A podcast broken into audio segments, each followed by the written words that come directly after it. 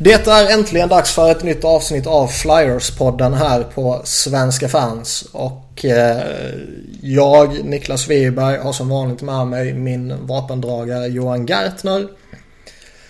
Eh, den här gången så har vi resonerat som så att eftersom jag och Johan är så fantastiskt genuint duktiga, pålästa och intelligenta så har vi väldigt ofta eh, samma åsikt i frågorna.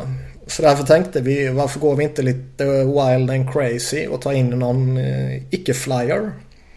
Så idag har vi med Simon Strömberg. Jajamensan, tjenare! Välkommen! Eh, känd Tack, från... kul att vara med! ja, han är känd från lite alla möjliga ställen och många gånger varit med i NHL-podden som kör på Svenska fans också och skriver lite om Florida och är lite halvt New Jersey-supporter och skriver lite i Pro Hockey och uh, är en, eh, vad jag har fått reda på nyligen, riktig buse i hockeybockey. Jajamän. Trea i, i Vipers, eh, Adib Vipers eh, historiska utvisningsliga med sex pim på fem säsonger. Ja, riktigt smutsig spelartyp. Fy fan. Ja, det blir så när man tänker med. Eller hur? Eh, den ena backen blev buse i uh, hockeybockey. Den andra gick till NHL och KHL är han väl nu i Larsen. Ja. Ja. ja. Och den tredje har ju spelat i Flyers. Oliver Lauritsen. Just det ja. Men. Ja, just det. Mm.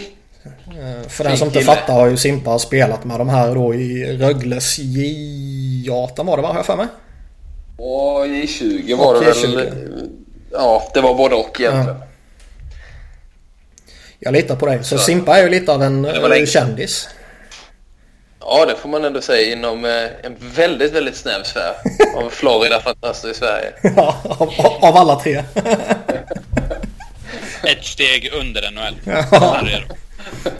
Har en bra sommar så kanske får kontrakt. Ja, precis. Men eh, vi är inte här för att prata upp Simpas NHL-chanser kommande säsong. Utan vi är här för att snacka Flyers, givetvis. Och eh, vi gör helt enkelt så att vi hoppar in på draften. Där Flyers som ja, av en skänk från ovan fick andra valet i draftlotteriet. Och eh, när draften väl genomfördes så plockade New Jersey Devils upp Nico Hischer och Nolan Patrick eh, hamnade således i Philadelphias knä. Hur ser ni, Ja vi kan väl börja med djävulen Simpa till att börja med. Hur ser du på att just eh, Nico Hischer gick först? Eh, jag blev faktiskt rätt överraskad. Eh, New Jersey har ju en tradition av att gilla tvåvägsspelare och även om det har förändrats lite de senaste åren så Eh, så kändes väl Patrick ändå som att han satt i, i förra sitsen inför eh, draften. Men man valde Hischer och eh, på något sätt att jag ändå hoppades på det. Det kändes som att eh, det kanske var mer vad New Jersey behövde och, eh, och det blev väl... Känns lite så som att eh, när man sitter där, alltså de andra åren brukade, eller de senaste åren har det ändå varit rätt klart vem de ska plocka eh, etta i draften liksom. Eh, oh ja. Om det nu har varit McDavid eller vem det har varit. Men i år var det så här liksom andra valet, alltså i detta fallet då Patrick, kan lika gärna utprestera första valet ganska rejält. För att båda två är liksom så här, bra spelare. Det är inga McDavids men de är i princip lika bra. De är bra på, på olika sätt. Mm. Eh, så att jag, jag tror att eh, för Flyers är det nästan skönt att slippa göra valet för att man, man gör inte valet som blev fel utan du tar ju alltid den andra och om du inte fick eh, den som blev bäst av dem då är det bara ja, men vi hade inget val ändå. Mm. Så att eh, man har bara, bara vinster i den här situationen ser jag det som. Ja, det är ju inte som när de fick eh, Ben Riemsdyk direkt. Då var man ju sämst i ligan. Mm. Och fick inte första valet. Nu var man ju ändå, skulle ha trettonde valet och hoppade upp. Det blir en helt annan... En jävla jackpot. Ja. Mm. Uh, jag hoppades ju på Patrick. Och jag gillar Hischer också, men det känns som att han passar in. Vi har redan Giro som är ja, Hischer, samma speltyp. Så det, nej, det ska bli jävligt kul. Jag var ju jävligt skraj för att eh, fästa mig för mycket vid någon av dem. Just för att fastnar man stenhårt för Nico Hischer och sen går han till Devils och man vet att man i 15 år kommer sitta och hata honom. Så vill man ju inte vara kär i honom. Så jag höll mig lite sådär känslomässigt på avstånd från det hela. Och egentligen bryr jag mig inte jättemycket om vem Flyers skulle få av Hischer eller Patrick. Ehm, Nej. Jag håller väl med lite det Johan säger då att eh, Patrick är, han är ju den naturliga arvtagaren nu för Flyers. Och han är inte en Giroud-kopia. Vilket man kanske kan få Nico Hischer till att bli. Mm. Och kan man synka liksom tidsperioden innan Claude Giroux tar slut med att Nolan Patrick eh, är på väg in eller är inne i sin prime. Så det är jävligt gött att ha två sådana olika spelartyper. Ja. Det här speedar ju upp eh, hela processen. Ja. Man har ju varit, jag både du, jag tror vi har pratat om det här förut på någon podd, Niklas. där Båda har, man är ju lite orolig över att när Flyers ska vara bra så är det Giroud, Voracek och Simmons och de här, då är de på nedgång eller har redan börjat någon säsong innan. Mm. Just för att de är, Giroud är väl 30 och så Simmons och Voracek är 29 va? Tror jag. Men att de Eh, börjar ju ja. komma upp i åren. Inte riktigt så gamla. Voracek är bara 27. Är det 27? Giroud är 29. Simmons är 28. Men de blev väl under, under säsongen va? Ja, Visst ja. är det så? Ja. Ja, Drew Simmons att det här- 88 och Wojciech 89. Ja. Så det här liksom, det fyller ju, eller det skyndar ju på processen att hjälpa så att de kan vara slagkraftiga med de spelarna innan det är för sent. Eh, Så det är ju positivt på det sättet också. Och sen att just det man behöver, man har bra målvakter i pipelinen, man har bra backar i pipelinen. Eh, och så nu får man en center som man verkligen behöver. För där har de en okej liksom, men ingen första center som, eller en, som kan bli en första center. Det är typ okej supporting guys. Ja. Men det, om man tänker lite var... var eh, hur, hur lång tid framåt tror ni att, att de kommer... Eller vad bör synkningen vara för att optimera det här tror ni? Snackar vi två år framåt tiden eller, eller tror ni att det skulle funka liksom när eh, Giroud de börjar närma sig 35? För men de är kvar med kontrakten då i alla fall. Jag tror det är för sent. Eh, jag tror att Claude Giroux kommer vara bra i några år till och sen mot slutet på det kontraktet så ser man väl förmodligen en, en liten tillbakagång. Han har ju redan passerat sin prime liksom.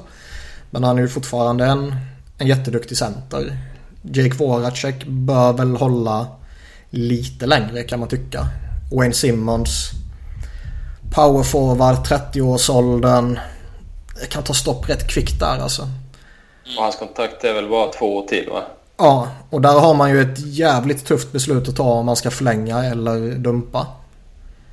För det är ju det här som sagt klassiska powerforwarden 30 år ska ha nytt kontrakt. Eh, Han är tillräckligt bra för att få ett välbetalt och ett långt kontrakt. Men vill man verkligen signa upp honom på det? Nej, för du har ju... ja, Jag läste en artikel idag. Jag tror det är... Är det 2019? När alla de här ska ha nya kontrakt. Eh, om det är Connectny, Provorov, eh, alla de här unga som kommer upp med Sanheim och Mm. alla dem. Eh, och då, just med Simmons, han kommer ju få jättebra betalt. Om man håller ungefär samma målsnitt och poängsnitt som han gjort hittills i Philadelphia så kommer ju han få jättebra betalt. Oh ja. Eh, och det smarta är ju egentligen att trada honom. Hur mycket man än älskar att ha honom i sitt lag. Emotionellt Sen- skulle det vara extremt svårt att trada honom. Men rent logiskt så är det ju det rätta beslutet. Men sen är det å andra sidan så också, typ när det gäller de här långa kontrakten innan så tänkte jag också alltid så man ska trada innan man skriver på det. Men å andra sidan det kommer troligtvis alltid finnas Arizona eller eh, något annat lag där du bara kan dumpa av. Det kommer en expansionsdraft om två, tre år kanske. Kanske man kan dumpa där ifall det inte skulle funka. Så att, Så kommer lockouten med Ja, ja nej, men alltså det, det är ju det är är så det har sett ut de senaste åren. Så ju, hittills så är det ju egentligen av alla de här kontrakten som har skrivits, Bowland och vad, vad det nu kan vara. Det är ändå kontrakt som på ett eller annat sätt har löst sig själva egentligen. Just för att det har funnits lag som bara tagit emot den. Så att jag tror ändå att man... Det finns vägar ut även om man skulle signa upp honom. Om det skulle vara så att Nolan Patrick, man bara okej, okay, men i år var han riktigt bra. Nästa år kommer han vara på topp liksom. Då, då kommer vi. Då kanske man, det ändå blir värt att, att signa honom då. Det är långt fram i tiden såklart, men, mm. men det brukar finnas utvägar i alla fall om man väljer att gå den vägen. Ja, men lite så är det. Någonstans känns det ju som att Flyers största möjligheter att utmana kommer ju synka med Nolan Patricks eh, entry level kontrakt. När han är billig och när Oskar Lindblom är billig och när Sunheim är billig och Meyer som han kom upp och Sam Moran och Provorov var fortfarande två billiga säsonger. Connecting två billiga säsonger. Det är ju liksom i dagens NHL så är det ju de kontrakten man måste utnyttja. Och nu är det väl väldigt sällan känns det som som lagen har så pass många på gång samtidigt.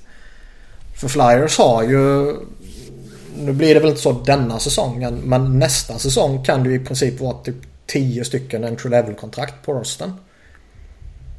Ja det är rätt galet. Det är rätt sjukt och då ska man ju verkligen pumpa in för att kunna gå för det. Sen innebär ju inte det att man ska värva massa UFAs på jättelånga och jättedyra kontrakt och sådär men jag snackade ju lite i NHL-podden som vi spelade in igår just med Edmonton att Okej, okay, sista året de har Connor McDavid snorbilligt. Är ju kommande säsongen nu då. Ska inte de gå ut på free agency och försöka sälja in till så många bra spelare som möjligt. Att ni får ett relativt billigt ettårskontrakt eh, för att vi ska göra en så sanslöst push mot kuppen det här sista billiga året med McDavid. Ja. Och lite samma grej kanske Flyers ska göra om man lyckas få in alla de här entry level kontrakten under någon form av överlappande period. För det kommer vara nyckeln tror jag. Jo, jag håller med. Vad ser man på eh, hans... Eh, hans eh, vad har han för potential? Vad är taket?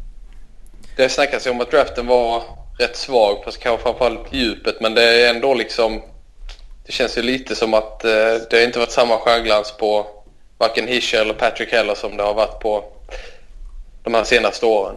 Nej, det är ju ingen Conor McDavid. Vad tror ni själva?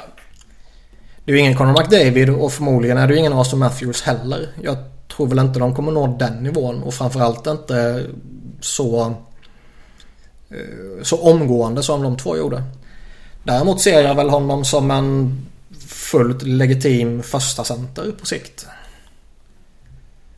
Det är ju många som jämför honom med Ryan Getzlaff och det, det är väl liksom en, en rätt träffande beskrivning om man tar spelartyp och sådär.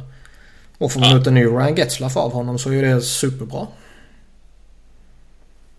Det är väl Anse Kopitar och Getzlaff han jämförs med. Ja. Så om man kan komma någonstans där så är det en första center en riktigt bra. Inte McDavid och så som Niklas sa, men det är fortfarande jäkligt bra. Frågan är ju bara hur, eh, hur han och Hischer hanterar detta. För jag menar, för bara något år sedan så var det rätt schysst om ett första val kom in och gjorde 40 poäng första säsongen. Det var ändå bara, ja men det är kanske inte jättebra, men det är okej okay, liksom. 40, mellan 40 och 50 poäng. Men nu har vi haft McDavid då som som gick som tåget innan han skadade sig under sin första säsong, vinner andra säsongen. Sen så har du Matthews i fjol som gör 40 mål. Det kommer ju bli en press på dem även fast den kanske är obefogad historiskt sett. Så bara på grund av de två senaste åren. Ja, och Flyers-supportrarna har ju en tendens till att eh, liksom skriva upp sina spelare också. Och det här är ju ett läge som vi... Alltså räknar man bort... Eh, vad heter han? JVR. Och så hade vi Johnny Pitskanen som vi tog med fjärde valet. Eh, kan, nu minns jag inte exakt när det var. När gick han? 0...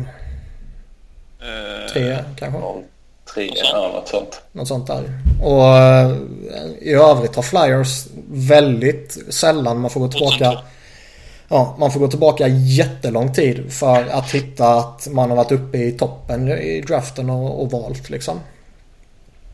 Eh, så nu är man ju... Hypen som finns kring Flyers är ju extrem.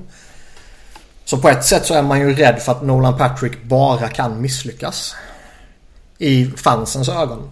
Om man tar den här stora uh, uh, galna skaran. och inte vi intellektuella och kloka som mig och Johan. Sansade. ja. Eh, så lite orolig är man väl över det. Sen samtidigt går han in och så får han kanske spela tredje center bakom Giroud och Couturier kommande säsong. Och han kanske lirar med typ... Vad kan han spela med liksom? Mikael Raffel kanske och... Eh, Jordan Wheel eller någonting. Det är liksom ingen som kommer rimligtvis förvänta sig några stordåd då.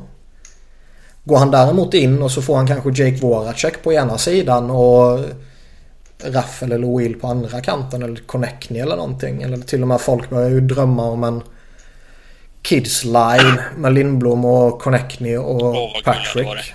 Och alltså hamnar han i en väldigt attraktiv omgivning då tycker jag väl ändå att förväntningarna ska vara relativt höga. Sen är man ju extremt naiv om man förväntar sig att han ska gå in och göra vad Conor McDavid har gjort och Matthews har gjort och så här. Ja, nej, de förväntningarna har ju inte vi, men det är nog vissa som har det. Skulle förvåna mig annars. Mm. Eh, men annars, du var inne på Will där. Vad, vad är grejen med honom? Han har gjort det bra i AHL. Eh, för någon som inte följer Flyers så slaviskt som, som ni. Uh, He's the real deal. Va, vad sa du? He's the real deal. uh, mindre forward som om det är två säsonger eller tre kan man väl säga, men den han då spelade nu 47 poäng på 43 matcher eller vad det var, så har han ju varit jätte, jättebra i AHL. Alltså to toppen av AHL ända sedan han kom in i ligan i princip. Uh, och men han, de 15 matcherna, eller vad det är, han har spelat i NHL uh, så har han inte synts överhuvudtaget. Tills nu. Uh, när han fick chansen då. Det, lite samma stuk som Connectney skulle jag vilja säga.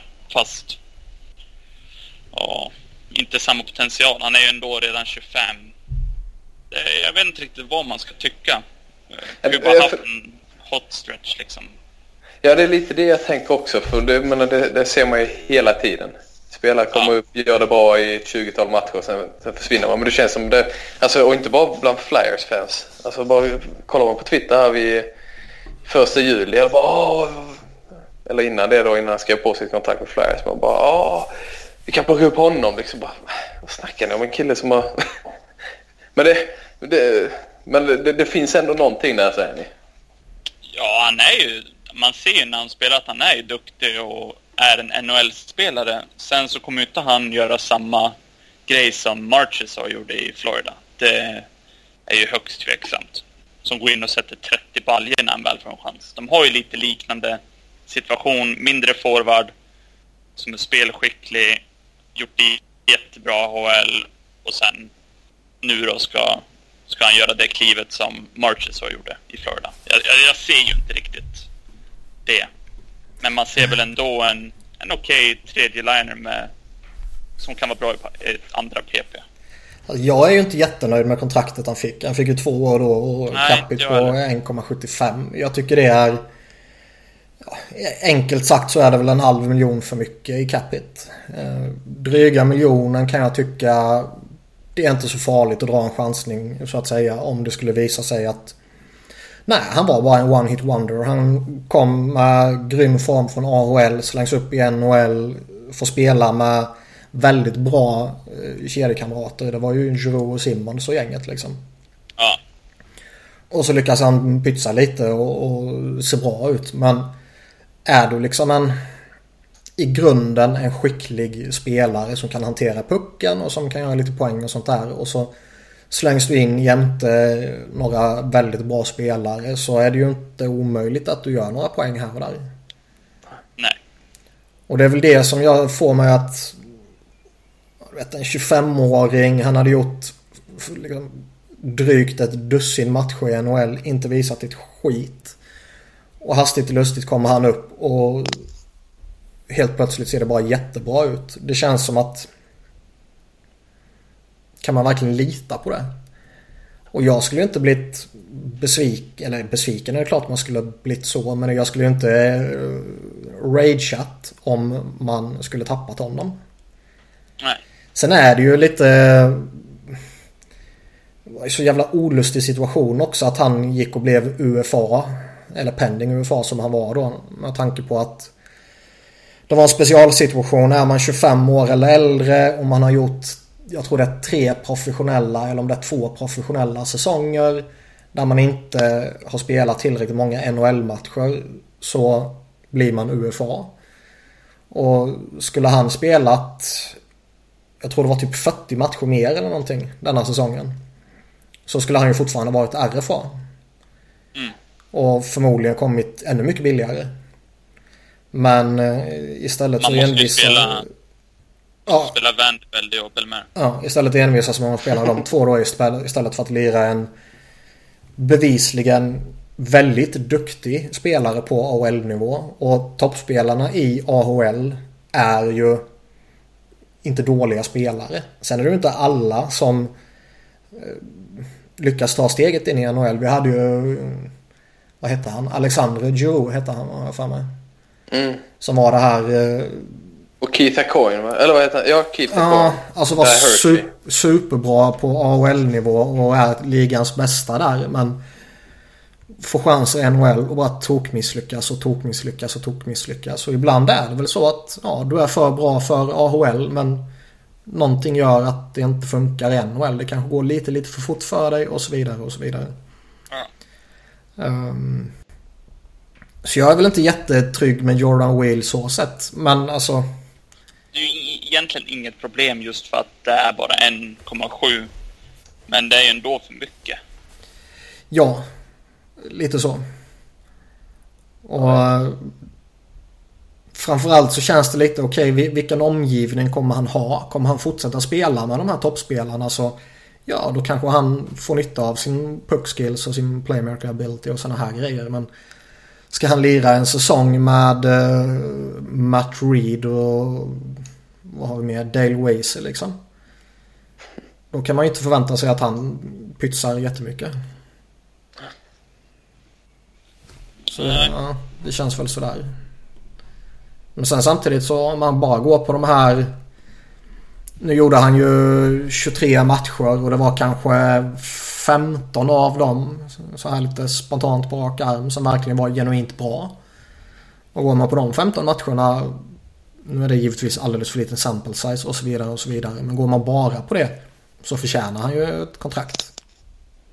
Det som var rätt sjukt som jag tror att har hjälpt just för att det är så hög cap hit är för att ett tag där, även om det bara var 5-6 matcher i rad, så var han bästa forwarden på mm. Isen. Vilket egentligen säger mer om hur dåliga Philadelphia var stundtals. uh, men då, då var ju han som var klart bäst av allihopa. Uh, alltså, så det är ju rätt en, en, en, annan grej som jag också tänker som är lite risky med att gå på en spelare som framförallt avslutar säsongen. Det är, nu har jag inte koll på vilka flyers mötte men det, det, är ju lite lätt att man kanske, låt säga att man spelar hälften av matchen mot ett lag som inte har med slutspelskampen att göra. Då finns det ju liksom, det är inte samma aggressivitet på dem. Det är lite lättare att få in puckar och sådär så att det spelar också in liksom. Eh, just det här vilka man Ja, vilket motstånd man har den sista, sista tiden. Men det känns ju som det är, det är inte en, en cap som Flyers står och faller med. Hextall har gjort ett rätt bra jobb de här senaste åren och fått bort det mesta ju. Mm. Ja ja men jag så vi hoppar tillbaka till draften lite fort och eh, det känns väl som att vi är klara med Nolan Patrick i alla fall. Men eh, hur ser vi på draften i övrigt? Eh, och det kanske framförallt är en fråga som är riktad till, eh, till Johan. Jag vet inte om du har nördat ner dig i Flyers draft, eh, Simpa? Nej, jag, jag, kan tyvärr inte säga det. Gjort det. Men man gjorde ju man gjorde en jävligt intressant grej här mot slutet på första rundan. Där man från ingenstans bara skickar iväg Braden Chen. Men det, jag har ju alltid haft känslan att det kän, har känts ända sedan han hade problem att ta sig in i laget eh, under Hagstalls första säsong där. Mm. Eh, när, han, när Hextall gick ut med något statement när han typ vägrade att inkludera Chen i kåren. Jag kommer inte ihåg exakt vad han sa, men när det var någonting om att han inte var med i kåren i alla fall. Så det känns som att han aldrig riktigt har passat in. De har testat honom som center, funkar inte. De har testat honom med Giro, har funkat sådär.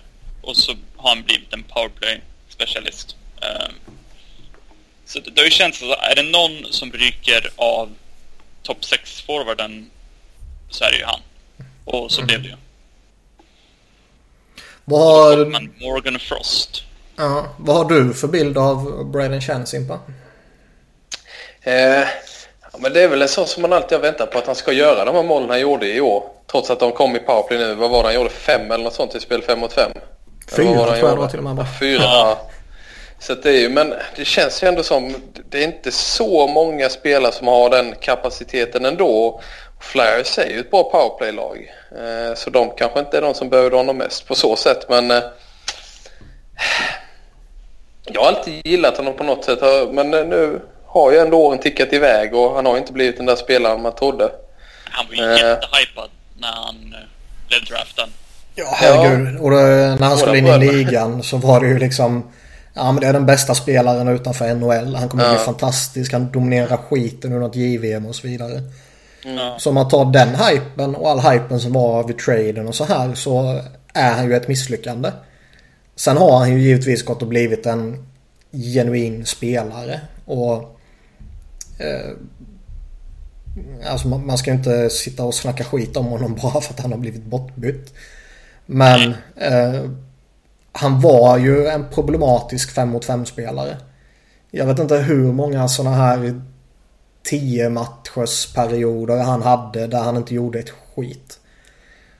Och sen vaknar han till och är helt fantastisk i sju matcher.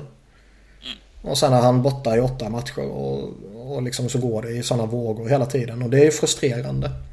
Jag tror att, eh, nu är jag inte helt säker, men jag tror att hans advanced stats så i 5 mot 5 normalt sett när han har en bra säsong är som en tredje liner. Och i år så var han inte ens det, utan det var katastrof. Ja. Så, ja, det... Sen i och för sig så är jag väl inte...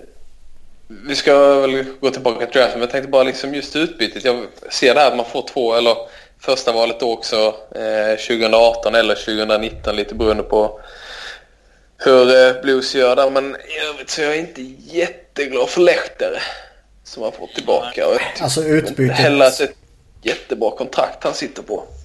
Nej, alltså det, han inkluderas ju bara för att väga upp uh, lönekostnaderna ju.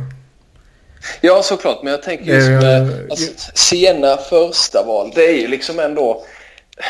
I, visst, man kan ha tur och, och sätta en fullträff, men liksom många av dem blir ju betydligt sämre än vad Chen är. Så, så är det. Jag tror det var lite... När man fick Nolan Patrick och liksom, nu tyder ju allting på att Oskar Lindblom kommer gå in i, NHL kommande säsong.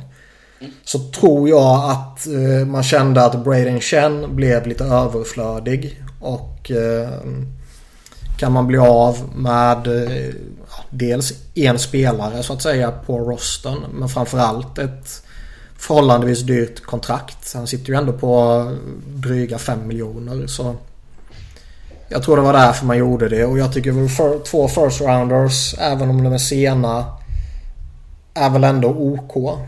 Jori Lehtara är ju ingen... Han kommer ju... Ja, det är inte så att han är andra center liksom utan han kommer förmodligen vara i fjärde kedjan. Kanske tredje. Och visst är han för dyr för men i en sån roll så bör det ju vara en fullt kompetent spelare. Och att ha Lehtara och Wiese och Matt Reed typ i fjärde kedjan som kommer då kosta vad blir det 10 miljoner eller någonting. Det är ju Det är inte så jävla sexigt men å andra sidan man har en bra bit upp till, till lönetaket så om man har utrymmet så är det verkligen det... ett problem då. Nej, och det som eh, en eh, person som har försvarat Floridas kontrakt till ja, ett gäng spelare som har fått alldeles för stora genom tiderna. Fleischman, Borland och så vidare och så vidare så vet vi verkligen det här med att det blir, alltså lönerna blir bara för höga när man börjar pressa mot lönetaket. Så att på så sätt är det inget problem. Eh, man lever ju Men ändå liksom, jag, jag, även, även om jag tycker att Flyers vinner traden för att de får möjlighet att drafta två riktigt bra spelare eh, så är jag inte säker på att det kommer göra någon positiv skillnad i slutändan. Nej. Om man säger mer så. Eh, sen så hade jag ju också gjort om jag hade varit Flyers, om, jag, om erbjudandet hade kommit. Eh, men jag inte, det är liksom en sån som, ja, på kort sikt hjälper det inte direkt och det är inte säkert att det hjälper någonting på lång sikt. Nej. Men det, det jag skulle säga var att man, man lever ju i, eller det här funkar ju att man kan ta Lehtares kontrakt just för att man har Provorov på entry level, man har Lindblom på entry level, man har Connectny och alla de här som kommer in. Det är ju därför de kan. Så det, det är inget mm. problem nu. Men hade Lehtares kontrakt varit längre än vad det är så att det hade fortsatt när de här unga ska ha nya kontrakt, det är då det blir ett problem. Mm. Om vi tittar på draften då så med det här första valet eh, som man fick från Blues så plockar man upp Morgan Frost. Och eh, Simpa, hur lyder din expertanalys av Frost? Hade varför frågar inte en Daniel Johansson om inte han vill vara med istället? Uh, ja, jag, jag, jag, just uh, alltså spelarna i draften, det är topparna jag har koll på. Sen så har jag faktiskt mer eller mindre noll koll på, på dem efter uh, topp 5, topp 10 där. Uh. Så att uh, jag, jag lyssnar och lär.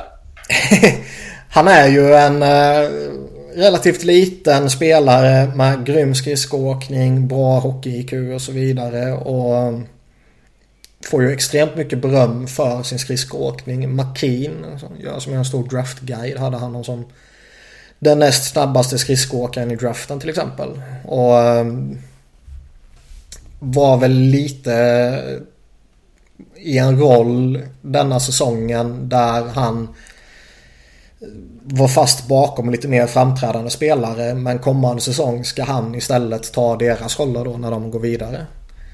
Och folk förväntar sig lite att han kommer ta nästa steg kommande säsong då. Men han var ändå nästan point per game denna säsongen så. Han förväntades dock inte gå i första rundan enligt merparten av förhandsspekulationerna och listorna och så här. Så det är ju lite rich kanske. Ja, jag hoppades ju på tolvonen där som egentligen mm. alla andra. Ehm, det kändes verkligen som det när de gjorde traden att nu kommer de att ta han. Men, ja. Jag visste inte mycket om Frost när han blev draftad, men jag kollade highlights och läste upp från alla de här McKean och alla de här som följer om året. Det känns väl okej, okay, det är ju en risk, men just den här draften så känns det som att alla som är utanför 15 är. Att det kan bli vad som helst. Du kan gå 16 overall och så kan du gå 37 och så är det nästan ingenting emellan dem. Lite så känns mm. Eh, på lördagen så bytte man ju upp sig än en gång. Man skickade ju tre stycken picks. En second rounder, en third rounder och en fourth rounder. För att få en second rounder lite högre upp då från Arizona. Och eh, när man kommer ner utanför första rundan så kan jag väl tycka att spontant är det mer vettigt att ha många picks än att byta upp sig i några få positioner. Men de fick i alla fall snubben de ville ha och det var ju Isaac Ratcliffe. Ja, det är ingen liten kille. Herrejävlar vad stor han är.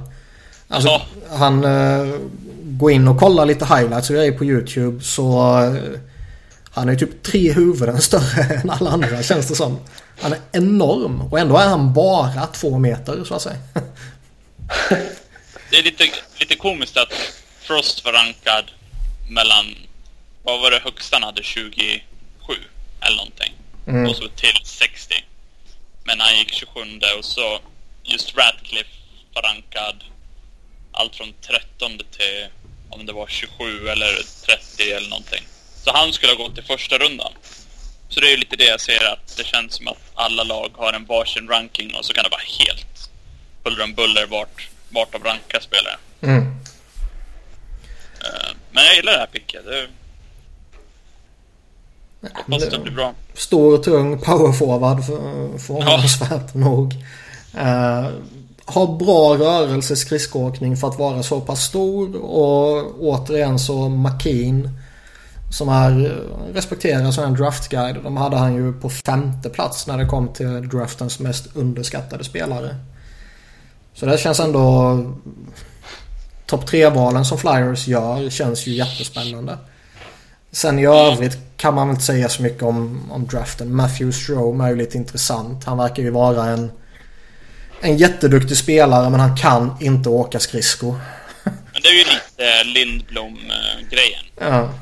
Lindblom skulle ha gått i första om man hade kunnat åka skridskor. Uh, och det var lite det med Strome, att det var snack om att han skulle gå i första, men som sagt, han är ju ungefär lika bra som mig på skridskor. Och det, och det är inte bra. det är inte bra. men det, det, känns ju lite sådär att plocka den tredje Strome-brorsan här. Ingen av de andra har ju... Ja, det är väl för tidigt att sätta någon stämpel på Dylan kanske, men eh, det är ändå liksom han ligger lite efter utvecklingen här. Det är lite oh ja. komiskt om han går och blir bäst av dem. ja, ja. Nu tror jag ju kanske inte det, men alltså det hade varit lite komiskt. Killen som inte kan åka skridskor. Men alltså får, får han bara ordning på sin skridskoåkning och liksom i den åldern så mycket kan fortfarande hända och så vidare så bör han ändå ha relativt goda förutsättningar för att kunna bli en NHL-spelare. Ja. Jag tycker Men... det är ett bra pick i en fjärde runda. Det ju... Ja det, det blir ju såna här projects allihopa. De, det är ju alltid någonting de måste arbeta på, eller flera saker. Om det är skridskoåkning eller att de måste bli starkare eller så. Jobba på sitt försvarsspel eller vad det nu kan vara. Så, eh. Kan det vara så att han är dålig på skridskor på grund av att han har två äldre bröder som tvingar honom att stå i mål hela uppväxten? Ja. ja. Det känns ändå som en rimlig förklaring. Absolut. han jobbar ju med eh, Barbara Underhill som eh, eh jag tror hon jobbade för Toronto ett tag som mm. consultant för skridskoåkning. Så det, han har ju, han vet vad, han sa ju det direkt efter draften att han visste vad han behövde göra och det var ju att förbättra skridskoåkningen. Så får vi se då. Ja. I övrigt känns det som att, att eh, man kan säga jättemycket om om de andra pixen. Däremot kan man väl konstatera känner jag att eh, med tanke på vad man redan hade i sin prospect pool och när man nu får en Nolan Patrick till skänks och lyckas peta in både Frost och Ratcliffe på det så ser ju Flyers prospect pool, eh, pool oförskämt bra ut. Måste ju säga att Ustimenko som de tog i tredje rundan kommer bli världens bästa spelare. Ja, För att det är Rinaldo Picke. Ja. Nej men det känns ändå som att nu har man ju en, en prospect pool som verkligen, verkligen svämmar över av spelare. Alltså, ja. gå tillbaka några år så var det Kevin Marshall och, som var Mike Testweed typ. Som var... Som spelade i Asien. som var liksom Flyers mest hypade prospects. Och, och liksom fatta hur jävla tragiskt det var. Men det, det, det, måste man faktiskt säga att Flyers har vänt det där rätt snabbt. Jag, ehm, mm så, så länge jag har skrivit på hockey så har jag gjort de här team news-grejerna och varje år så har det varit en, en så här prospect check. Man kollar igenom talangpoolerna. Jag minns liksom det var flera år i rad så, så här, som Flyers var bland de sämsta. Liksom. Sen bara helt plötsligt bara, men shit, nu har de rätt mycket goa spelare alltså. Och det är inte så att de har draftat jättehögt ändå utan det är bara att det känns som att man har draftat väldigt bra liksom. Har det hänt någonting på på scoutsidan som är en så här stor skillnad jämfört med tidigare år eller är det bara dumb luck? Alltså jag tror... Jag tror det har mycket att göra med att du, de har ju tradat bort sina val. Holmgren är ju mästaren av att trada första valet, andra valet och tredje valet. Eh, lite så. Så de har ju i princip nästan aldrig draftat NHL-spelare eller som kan bli utan det kommer ju egentligen i slutet med när man fick åttonde valet med Couturier, det var väl lite där det började. Och så har det ju gått framåt eh, sen dess då. Så innan 2011 så var det ju nästan ingenting. Jag sitter och kollar nu. 2010 tredje val. Eller tredje rundan. 2009 tredje rundan. 2008 eh, Lucas Bisa i första rundan. Och sen var det JVR då. Mm. Så Giro. Man ska ju, det verkar ju som att eh, Chris Pryor som numera är assistant general manager och som tidigare var director of scouting. Han har ju fått väldigt mycket beröm. Och att det är han som tillsammans med eh, Hextall här mot slutet har eh, styrt upp eh, draftandet liksom. Och det har de gjort superbra. Så det, det är mm. verkligen jättespännande. Nu har de ju verkligen bra prospects på alla positioner. Mm. Även om man ska ta det försiktigt med hoppas för mycket på de där målvakterna. Det är aldrig de man tror som blir bra. Nej, där har de ju lite mer att de har plockat väldigt många målvakter nu. Mm. Så jag får hoppas att någon av dem blir bra. Då. Ja. När vi ändå snackar målvakter så eh, bytte ju Flyers ut Steve Mason mot Brian Elliott. Eh, Mason hamnade i Winnipeg och kort förklarat så känns det väl lite som att han budade bort sig själv från Flyers. Mm.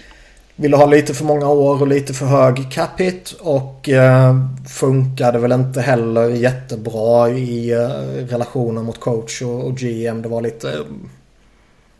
Ja, man såg ju på hur målvakterna skulle användas på helt olika sätt. Där både Hextall och Hackstall verkar föredra två mer eller mindre jämna målvakter som kan varva. Medan Mason då vill vara the guy. Eh, så han eh, lät man helt enkelt vara plocka in Brian Elliott på ett tvåårskontrakt med en cap hit på eh, knappt 3 miljoner. Och om vi börjar med Simpa så hur ser du på Brian Elliott? Jag har aldrig varit någon större fan av Brian Elliott men på det kontraktet han kom in om han spelar som han kan spela eh, om man är på topp då är det kanonkontakt. kanonkontrakt. Eh, men eh, just för Flyers där det är en sån situation som vi snackade om här lite tidigare då med eh, publiken är inte alltid den snällaste och Elliot har ju en tendens att vara mer ojämn än de flesta i, eh, i NHL. I alla fall är det den uppfattning jag har att han har kan ha stretchar där han spelar hur bra som helst men sen så kan han vara helt under isen periodvis också. Mm. Um, och en sån målvakt vet jag inte riktigt om om det skulle funka i början på fel, på fel sätt som jag gjorde i Calgary och, publi och publiken Uh, Tappat tålmodet eh, rätt snabbt där och Mason skulle gå bra i Winnipeg kanske framförallt samtidigt då, då kan Elliot få det svårt att och, eh, hålla, hålla koll på, på formen och så eh, och få det att funka där ordentligt. Så jag vet inte riktigt om den här den här ojämna målvakten är rätt val för Flyers. Inte sett från utsidan i alla fall. Sen så säger han väl själv att ja, men det känns jättebra och det är gött med publik och så, men vad ska man säga? säger man alltid. vad, ja. vad skulle man egentligen annars ha gått efter i Free Agency? Det är ju inte jättemycket sexigt i... Jag tyckte Ryan fan... Miller hade väl inte haft någonting emot. Jag tror ju att han är, är bättre än Elliot. Men det var ju aldrig aktuellt. Han ville väl ut till västkusten tror jag. Han har ju frugan i Los Angeles ja. eller något sånt där och ja. ville väl vara kvar på västkusten Bernier, och kom dit. Jag trodde det skulle bli Bernier. Uh, just för mm. connection här i Kings. Men liksom Pavlec, Niemi, Lindbäck, Kemper, Johnson, Nilsson. Nej, det, nej, så det var väl i så fall en trade mot typ Marasek eller ja. Calvin Picard ja. som Vegas plockade upp eller något sånt där. Ja, men det... Men det... det, är alltså, nu menar jag mer i free agency att det finns ju ingenting annat där egentligen. Alltså jag tycker väl ändå att med tanke på vad det blev nu som Simpa var inne på med kontraktet som han fick och, och liksom att Flyers är ju bara ute efter en stopgap så att man kan vänta in alla de här målvakterna som Simpa inte tror på. eh, Carter Hart och Sandström framförallt känns det som idag i alla fall. Och då är väl Elliot typ bästa möjliga scenario. Och eh, det finns väl däremot en grej som oroar jävligt mycket. Bortsett från det här som Simpa var inne på som är fullt legitimt då med, med ojämnhet och så vidare. Men han förklarade ju typ problemen i Calgary med att det tog tid och det var svårt att anpassa sitt spel mot eh, Calgarys system som de lirar typ. Och det kan jag väl som någon eh, idiot här i Växjö som inte direkt är någon NHL-målvakt och var en väldigt medioker innebandymålvakt när jag var typ 15. eh, tycker att det är väl lite, lite lustigt på ett sätt. Men det blir ju väldigt oroande då med tanke på att väldigt många har vittnat om att David Hackstalls eh, system är avancerat och tar tid att spela in sig i. Och eftersom Simpa är den mest meriterande spelaren av oss tre. så vad säger du om det? Nej men det är Det ska man inte eh, underskatta. Alltså eh, definitivt. Sen så har jag ungefär lika lite erfarenhet av att vara målvakt som ni. Jag stod en träning en gång kommer jag ihåg. Men... Eh, men eh, ja, det är mer än vad ni har kanske. Ja. eh, nej men... Eh, det, det är klart att mycket av det, mycket, i alla fall som, som jag upplevde det var ju mycket att man, man ska känna sig säker på målvakten. Man ska veta vad instruktionerna innebär, vad han förväntar sig att jag ska göra i vissa situationer. Och det kommer ju i grund och botten från coachen. Sen så kan man ju påverka det själv när man är ute på isen också. Men det är nog något grundsystem att man vet att målvakten agerar på det eller det sättet. Eller han vill att jag ska stå här och där. Och det är klart om, om, om coachen vill att du ska ut och täcka skott i första hand eller om han vill att du ska hålla undan klubban eller faktiskt plocka bort spelaren. Sånt spelar jättestor roll och det känns ju som att sånt måste vara glasklart och tycker, tycker målvakten att det var problem på ett annat ställe och det är potentiellt ännu värre, ja då kan man ju lista ut själva hur det, Oj. hur det riskerar att bli. Men oj, å andra sidan... Oj, Andrew McDonald. Oj, oj, oj. å andra sidan, det kanske bara är så att han inte... Alltså, det var bara en period där det inte funkade liksom just, just där med just de spelarna. Så det, det, är jättesvårt att analysera men men eh, systemet spelar ju väldigt stor roll naturligtvis. Och, och det är ändå någonting som, som, eh, som om, om han upplever att han behöver väldigt mycket stöttning där så tror jag inte att man ska ignorera det utan då får man ju ta det på allvar i inledningsfasen. Min spontana reaktion när jag såg det är ju lite så att men du ska rädda pucken. Det är liksom det enda du ska göra. Men det är väl lite mer avancerat så. Ja, men det... Och visst, i grund och botten är det det går ut på, men det, det är liksom... Det är rätt stor skillnad i, i vad du får för möjlighet att göra det. Eh, och hur du instruerar dina backar. Är du själv inte så, så gapig som målvakt så kanske du behöver ha någon på isen som är, som är mer självständig och, och ta, spela på det sättet som du vill utan att du behöver skrika och så vidare och så vidare. Så att... Jag vet, det här kan ju passa Hackstalls system kan ju passa bättre för Elliot. Det vet man inte än vad... Nej, precis. Och det menar jag... Vad vet jag liksom? Det... Men, men jag tror att om, om han själv har gått ut och sagt, som du säger då, Vibbe, att, att det är viktigt, eller att han inte riktigt kom in i det där för att han, ja det var systemet och så, då ska mycket till för att man, det är inte ofta de säger någonting i media om man är så tydlig med vad det var som inte funkar, då, då får man ju ta det på allvar. Jo, lite så. Eh, Johan. Yes. Du får eh, en minut på dig när vi nu ska snacka Shane Gustafsburgs nya kontrakt. 6 år, 4,5 miljoner cap hit. Och du ska förklara varför han är så överjävligt bra från och med nu. För han är... Uh, uh, shit, nu, nu blir jag lite... Tagen på sängen. lite tagen så. Nej, men det, han är ju... För det första är han ju väldigt, väldigt bra i powerplay. Och det har ju Philadelphia levt på sen, jag vet inte när. Men han får väldigt mycket skit för eh, hans försvarsspel. Och det, det, är ju inte så dåligt. Så jag, han är ju bra där också. Och Och just för att han är så spelskicklig så blir det ju kanske lite överhypat på grund av hans rookie-säsong där. Och så. Men jag tycker det är ett jäkligt bra kontrakt om man tänker på alla de här andra kontrakten med Orlov och Alsner och grejer som de andra lag har skeppat ut. Och där har vi en minut um, jag känner väl att fortsätter han att vara det han är nu, vilket typ enkelt förklarat är en eh, powerplay specialist som skyddas eh, lite i 5 mot 5 spelet.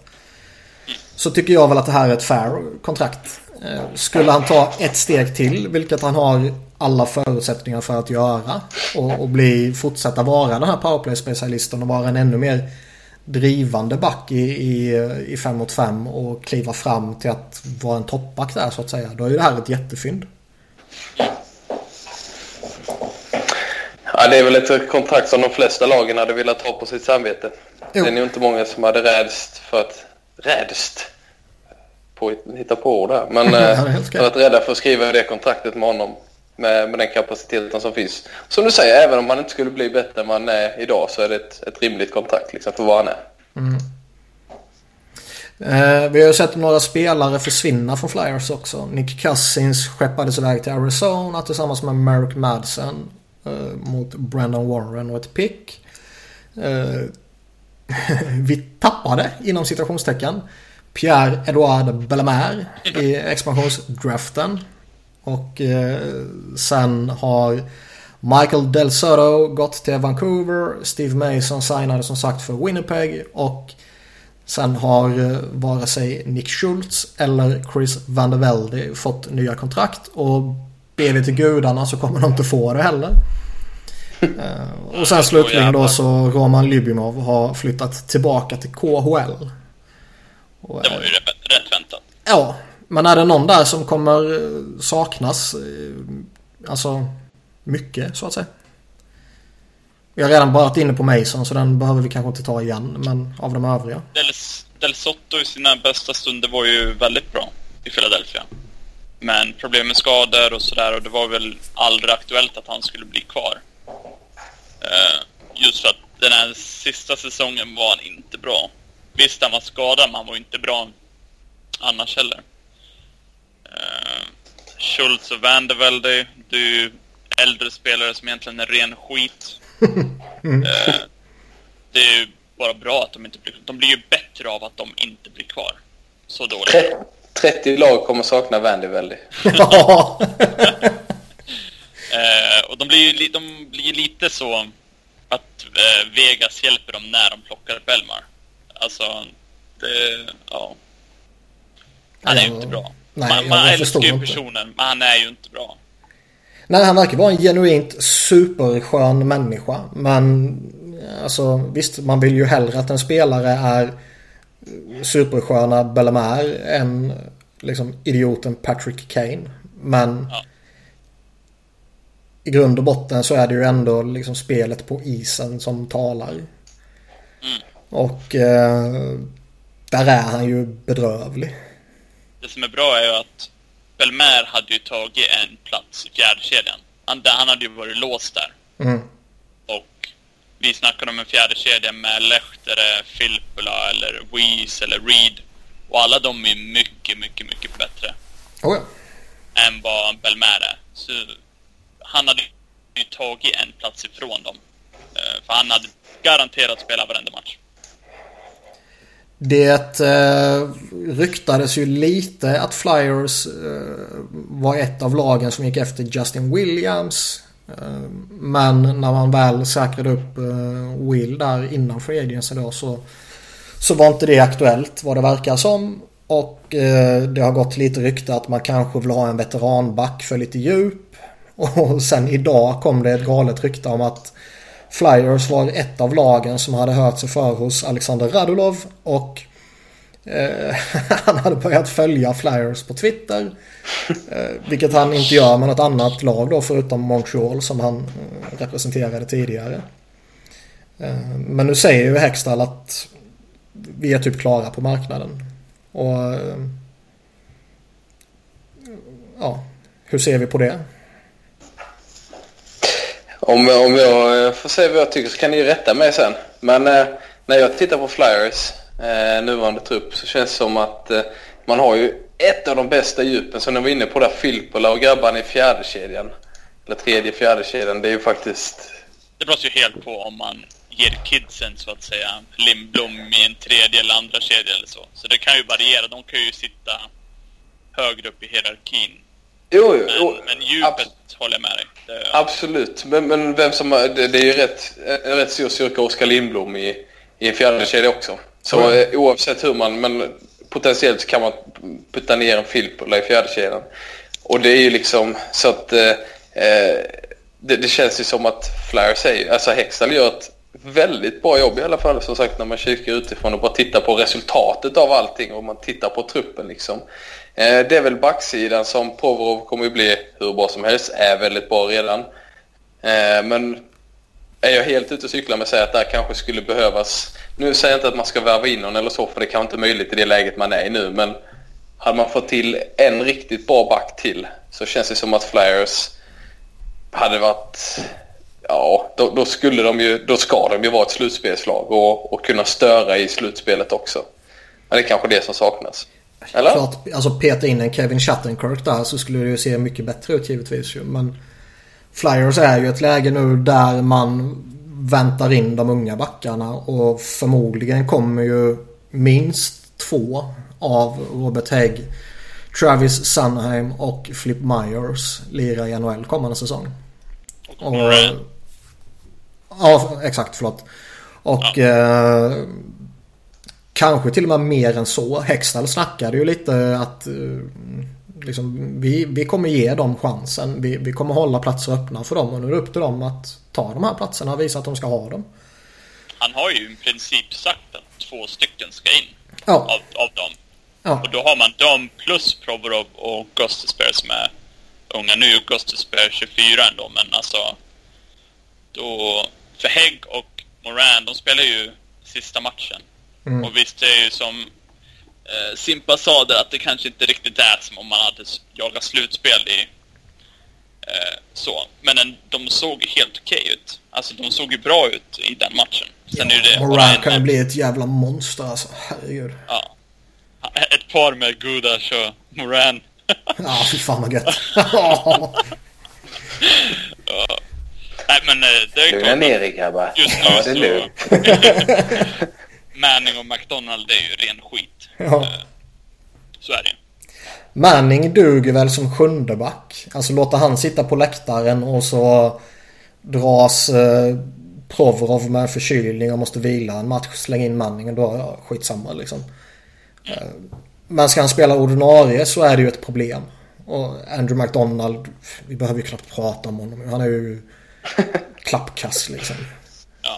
Och de värderar honom så högt och det är så jävla skrämmande. Dock positivt att de inte skyddade honom i expansionsdraften. För det skulle ju skickat alarmerande signaler. Att man verkligen värdesätter honom jättehögt på riktigt. Men sen jag håller ju med det här liksom att visst backbesättningen skulle bli bättre av att peta in eh, ja, ett riktigt nyförvärv så att säga. Men det skulle samtidigt innebära att man stänger dörren lite för de egna och ja.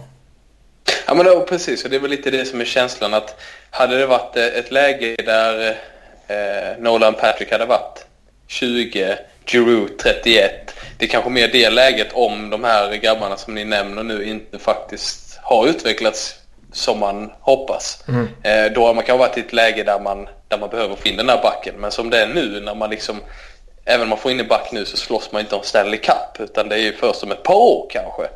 Det är väl då det blir aktuellt. Liksom. Så att det känns ju ändå som att, men om man vill liksom säkra slutspelsplatsen eller så för att Metropolitan är ju stentuff. Så är det kanske det man hade behövt. Men just nu är det kanske mer ett läge där man, där man ändå ska invänta framtida interna eh, eh, backar eh, och kanske få ta att man, att man inte tar sig till slutspel i år. Mm. Ja, det blir ju väldigt tufft. Men det är otroligt djupt, både som ni var inne på, forwards, eller eh, i talangpoolen och då som jag snackade om på, på forwardsidan. Känns det som att Hextall har fixat djup överallt. Eh, den sista lilla punkten vi går in på här innan vi rundar av så eh, under, eller inför rättare sagt var det väl Free Agency. Så började spridas ett rykte att Flyers vill göra en eh, stor grej, någon form av makeover och att Claude Giroux shoppas. Nick uh, Capriers tror jag det var som drog igång det hur ser vi på det? Simpa kan vi få börja som lite utomstående. Ja, det känns, har inte Extell rätt nyligen sagt att han inte tänker trada honom? Eh, för det snackas väl om detta för ja, tidigare under säsongen också. Och då var det väl inte aktuellt. Ja, men det känns väl som att det är inte rätt läge. Alltså man, man, man, måste väl först och främst se att Nolan Patrick är the real deal så att säga. Även om allting tyder på det så vill man väl ändå ha något kvitto. Man kan inte... I så fall handlar det lite om att lämna över laget till nästa snubbe och just nu finns ju inte den spelaren på plats som är redo att göra det. Så att det känns som att... Och som vi såg i Edmonton i massa år, vi har sett i många andra klubbar. Man behöver ändå ha någon som de här unga talangerna kan stötta sig på så man inte behöver dra hela lasset mm. och bara förlora och förlora och förlora för att det utvecklas man inte av. Så att eh, jag hade tyckt det varit väldigt konstigt. Men det är klart, får du Mark Scheifele tillbaka, men det kommer du aldrig få för, för Giroux liksom. Men allting har ju ett pris, men för det som är rimligt så kan jag liksom inte riktigt se att, att det skulle vara värt att skeppa honom. Speciellt inte när han kommer från en så pass dålig säsong. Nej. Uh, det, det, är lite synd för han har ju haft jätteproblem med skador. Är det tre år i rad? Han har varit antingen skadad på sommaren eller som i år. Då, han spelar alla matcher i år men han spelar med en skada hela året. Eh, eh, och så. Det, det har alltid varit någonting som har hämmat honom. Som, han har aldrig liksom varit 100 procent. Eh, men jag tror ju att han... Mm, man är ju lite orolig att om man, om vi ser nästa säsong, gör en likadan säsong som i år och ligger på under 60 poäng. Då blir man ju lite orolig just för att han då har, om det är fyra år till, mm. efter nästa säsong. Eh, på den capiten så blir man ju lite orolig att, eh, att det har gått så fort. Om man ser neråt. Men på något sätt då, det är väl först då man ska ta ett sånt ja, allvarligt, en, en allvarlig funderare. För nu tycker jag inte ens det borde vara på tapeten. Liksom. Nej. Förmodligen kan jag kanske tänka mig att det har kommit någonstans ifrån att eh, något lag kanske har hört sig för om honom. Eh, och, och, så börjar snacket gå lite att eh, ja men Philadelphia lyssnar på bud på Claude Giroux bara för att ett lag har eh, skickat ett sms eller hur de nu fann det. Eh, och sagt ja, är, är Joe tillgänglig liksom. Och så säger Hextall nej det är inte. Om, men jag, vill du prata så kan jag lyssna. Och helt plötsligt så lyssnar man på bud på Claude Joe liksom. Mm. Jag är ju personligen inte emotionellt redo för att eh, separera från Claude Joe. Nej. Jag är lite inne på, på vad ni säger att det är lite för tidigt. Eh, om ett år eller två eller tre då kanske man hamnar i ett, i ett läge där man genuint måste överväga det eller tvingas överväga det på något sätt. Och av tusen olika anledningar kan det vara såklart. Men idag så känns det inte som att det borde vara eh, liksom aktuellt. Nej. Uh, har vi något annat vi vill lyfta? Jag har en grej jag skulle vilja bara avsluta med från, från min sida. Mm. men om det är någon som har något annat emellan så kan ni ta det. Mitt är väldigt... Jag har ingenting tror jag. Nej, då kan jag väl... Eh, ja, men nu när jag ändå har alla, alla Flyers-supportrar på, på tråden liksom och sådär. Så eh, vi du har ju gått med, jag vet inte riktigt om du har outat detta, men du har ju gått med i vår fantasyliga. Jo, jag tror jag har gjort det. Ja, precis. Ja, men då kan jag bara meddela att eh, om du inte har berättat det att eh, draftvalen vi bara gjorde där, det var ju Crosby, Phil Kessel, Marc-André Fleury och Chris Letang. Så ja. av fem spelare. Vad har de gemensamt? Ja, precis. Jag vet inte. Jag följer inte NHL så noga så jag bara tog några Nej. spelare i högen. Jag tycker ändå det är värt att lyfta sig i den här podden nu när man har chansen att, att, att visa ditt rätta jag. Ja, och Henke Lundqvist på det också. Nej, exakt. ja, nej. Och Chris Pryder. Ja, herregud. Ja. Nej, jag, jag ska gå och duscha nu. Jag känner mig smutsig. Men eh, ja, stort tack för att du var med Simpa. Det är alltid skoj att höra dig snacka NHL. Alltid Och, kul att få eh, vara med i de här sammanhangen. Gött gött. Och eh. Johan, eh, gött som vanligt. Jag vet var jag har dig. Ja, Och eh, på återhörande. Vi får väl som vanligt se när nästa avsnitt av Flyers-podden dyker upp. Det är ju lite oregelbundenhet. när vi tradar åt oss Radulov. Eh, Exakt. Men eh, ha det gött och så hörs vi nästa gång. Hej.